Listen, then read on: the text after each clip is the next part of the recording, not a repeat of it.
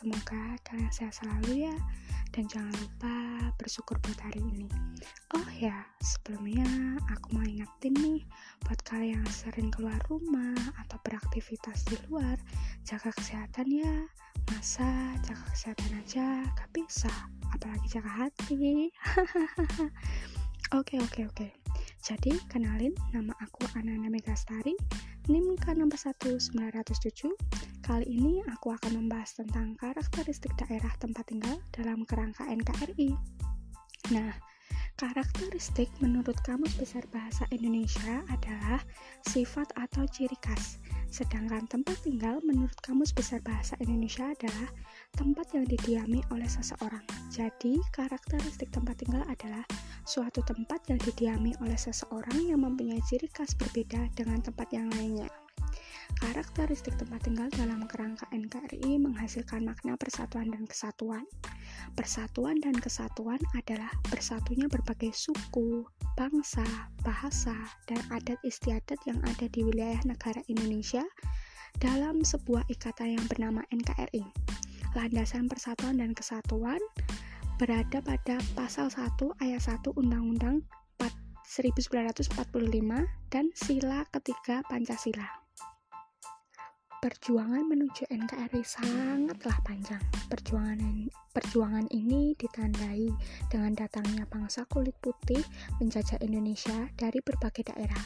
Oleh karena itu, pahlawan daerah tidak menerima tanah kelahirannya dijajah. Maka muncullah perjuangan di berbagai daerah seperti perlawanan di Ponorogo pada tahun 1825 sampai 1830 dipimpin langsung oleh Pangeran Diponegoro perlawanan ini diakibatkan adanya sebab khusus dan sebab umum. Sebab khususnya pertama, campur tangan pemerintahan Belanda atas kesultanan di Yogyakarta. Kedua, pen penjabat pemerintah diberlakukan sebagai bawahan Belanda dan ketiga, menetapkan berbagai pajak yang sangat merugikan para pribumi. Sebab khususnya pemasangan patok jalan di area makam leluhur di Ponegoro. Nah, kedua, per Perang Patri pada 1803 sampai 1821 dipimpin oleh Tuanku Imam Bonjol.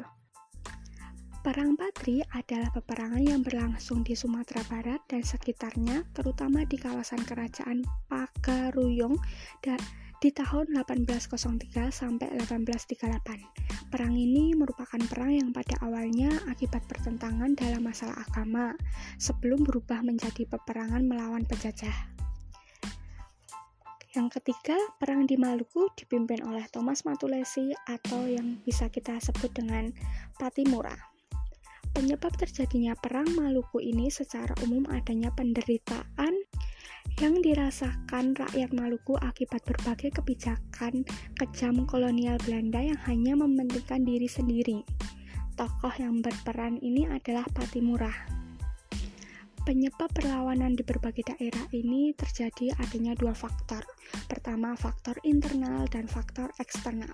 Faktor internal adalah satu, rasanya senasib dan seperjuangan. Kedua, lahirnya kaum intelijen.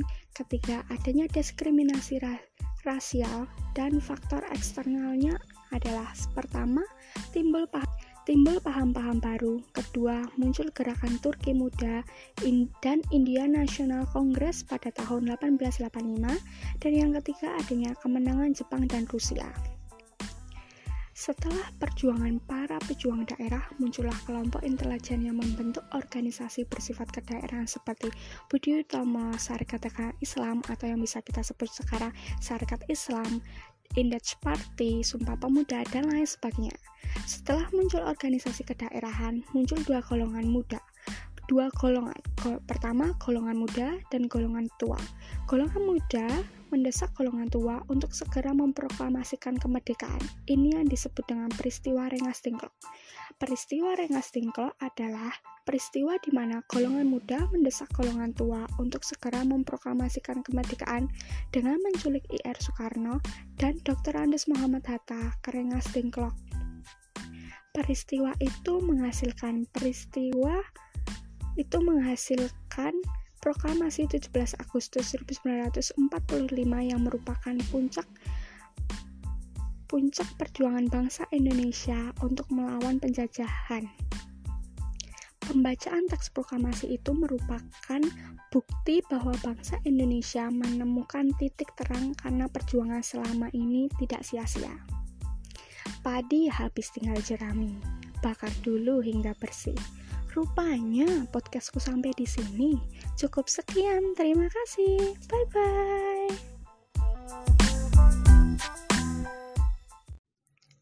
Assalamualaikum, halo semuanya, semoga kalian sehat selalu ya. Oh ya, sebelumnya aku mau ingetin nih, buat kalian yang keluar rumah atau beraktivitas di luar, jangan lupa pakai masker ya, rajin-rajin cuci tangan juga. Masa jaga kesehatan aja gak bisa, apalagi jaga hati. Oke, oke, oke. Jadi, kenalin nama aku Ananda Megastari, NIM K61907. Kali ini aku akan membahas tentang karakteristik daerah tempat tinggal dalam kerangka NKRI. Perjuangan pahlawan ini sangat berat ya. Gak kayak kamu memperjuangin dia setengah-setengah. Tapi gak apa-apa. Karena perjuangan para pahlawan kita ini gak sia-sia loh. Buktinya Indonesia bisa merdeka sampai saat ini. Kamu tahu gak sih Perjuangan kemerdekaan Indonesia itu sangat panjang.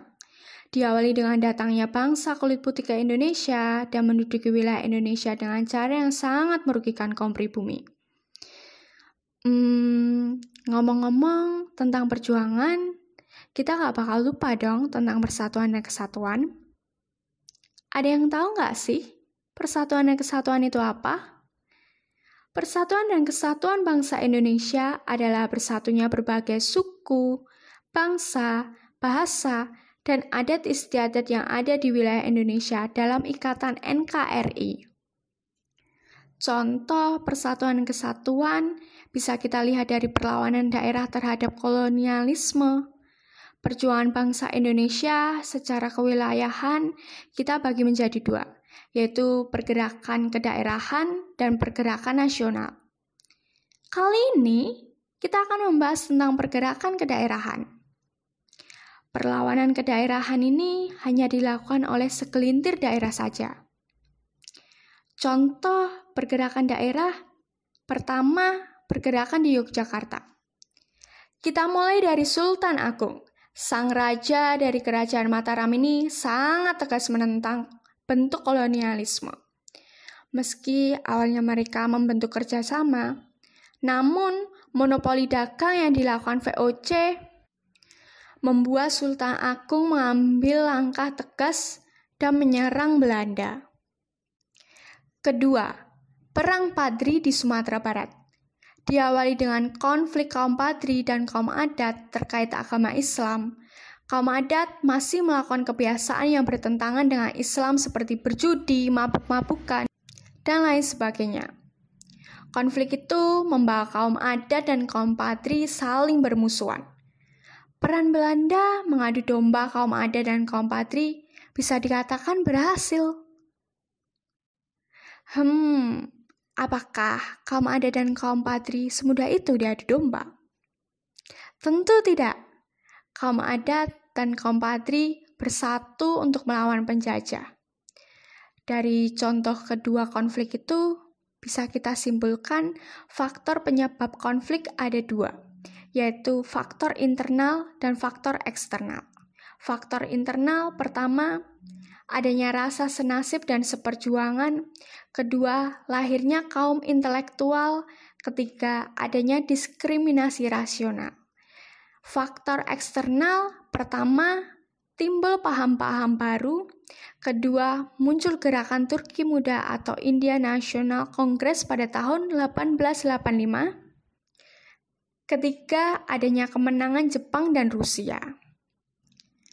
Kalau ditanya, apakah perjuangan daerah berhasil membawa Indonesia merdeka? Ya, tentu. Bisa kita lihat dari munculnya organisasi-organisasi kedaerahan seperti Budi Utomo, Sarekat Islam, Indeks Party, Sumpah Pemuda, dan lain sebagainya.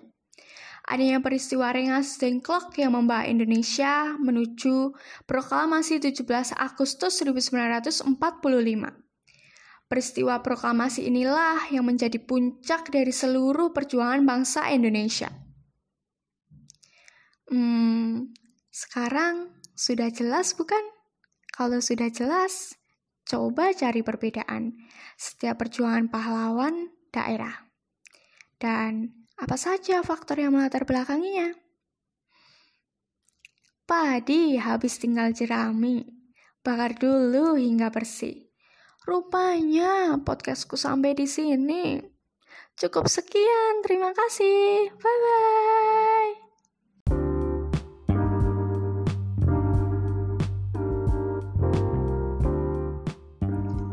Assalamualaikum, halo semuanya, semoga kalian sehat selalu ya.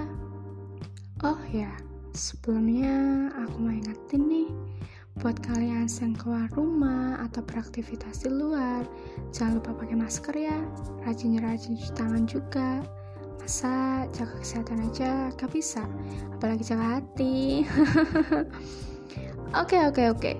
Jadi, kenalin nama aku Ananda Megastari, NIM K61907. Kali ini aku akan membahas tentang karakteristik daerah tempat tinggal dalam kerangka NKRI. Perjuangan pahlawan ini sangat berat ya. Gak kayak kamu memperjuangin dia setengah-setengah. Tapi gak apa-apa. Karena perjuangan para pahlawan kita ini gak sia-sia loh. Buktinya Indonesia bisa merdeka sampai saat ini. Kamu tahu gak sih, perjuangan kemerdekaan Indonesia itu sangat panjang. Diawali dengan datangnya bangsa kulit putih ke Indonesia dan menduduki wilayah Indonesia dengan cara yang sangat merugikan kaum pribumi. Hmm, ngomong-ngomong tentang perjuangan, kita gak bakal lupa dong tentang persatuan dan kesatuan. Ada yang tahu gak sih persatuan dan kesatuan itu apa? Persatuan dan kesatuan bangsa Indonesia adalah bersatunya berbagai suku, bangsa, bahasa, dan adat istiadat yang ada di wilayah Indonesia dalam ikatan NKRI. Contoh persatuan kesatuan bisa kita lihat dari perlawanan daerah terhadap kolonialisme. Perjuangan bangsa Indonesia secara kewilayahan kita bagi menjadi dua, yaitu pergerakan kedaerahan dan pergerakan nasional. Kali ini kita akan membahas tentang pergerakan kedaerahan. Perlawanan kedaerahan ini hanya dilakukan oleh segelintir daerah saja. Contoh pergerakan daerah pertama pergerakan di Yogyakarta. Kita mulai dari Sultan Agung. Sang raja dari kerajaan Mataram ini sangat tegas menentang bentuk kolonialisme. Meski awalnya mereka membentuk kerjasama, namun monopoli dagang yang dilakukan VOC membuat Sultan Agung mengambil langkah tegas dan menyerang Belanda. Kedua, Perang Padri di Sumatera Barat diawali dengan konflik kaum Padri dan kaum adat terkait agama Islam. Kaum adat masih melakukan kebiasaan yang bertentangan dengan Islam seperti berjudi, mabuk-mabukan, dan lain sebagainya. Konflik itu membawa kaum adat dan kaum Padri saling bermusuhan. Peran Belanda mengadu domba kaum adat dan kaum Padri bisa dikatakan berhasil. Hmm, Apakah kaum adat dan kaum padri semudah itu diadu domba? Tentu tidak. Kaum adat dan kaum padri bersatu untuk melawan penjajah. Dari contoh kedua konflik itu, bisa kita simpulkan faktor penyebab konflik ada dua, yaitu faktor internal dan faktor eksternal. Faktor internal pertama adanya rasa senasib dan seperjuangan, kedua, lahirnya kaum intelektual, ketiga, adanya diskriminasi rasional. Faktor eksternal pertama, timbul paham-paham baru, kedua, muncul gerakan Turki Muda atau India National Congress pada tahun 1885, ketiga, adanya kemenangan Jepang dan Rusia. Kalau ditanya, apakah perjuangan daerah berhasil membawa Indonesia merdeka? Ya, tentu. bisa kita lihat dari munculnya organisasi-organisasi kedaerahan seperti Budi Utomo, Sarekat Islam, Indeks Party, Sumpah Pemuda, dan lain sebagainya. Adanya peristiwa Rengas Dengklok yang membawa Indonesia menuju proklamasi 17 Agustus 1945. Peristiwa proklamasi inilah yang menjadi puncak dari seluruh perjuangan bangsa Indonesia. Hmm, sekarang sudah jelas bukan? Kalau sudah jelas, coba cari perbedaan setiap perjuangan pahlawan daerah. Dan apa saja faktor yang melatar belakanginya?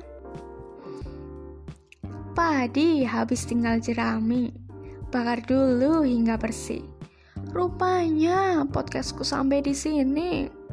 Cukup sekian, terima kasih. Bye bye.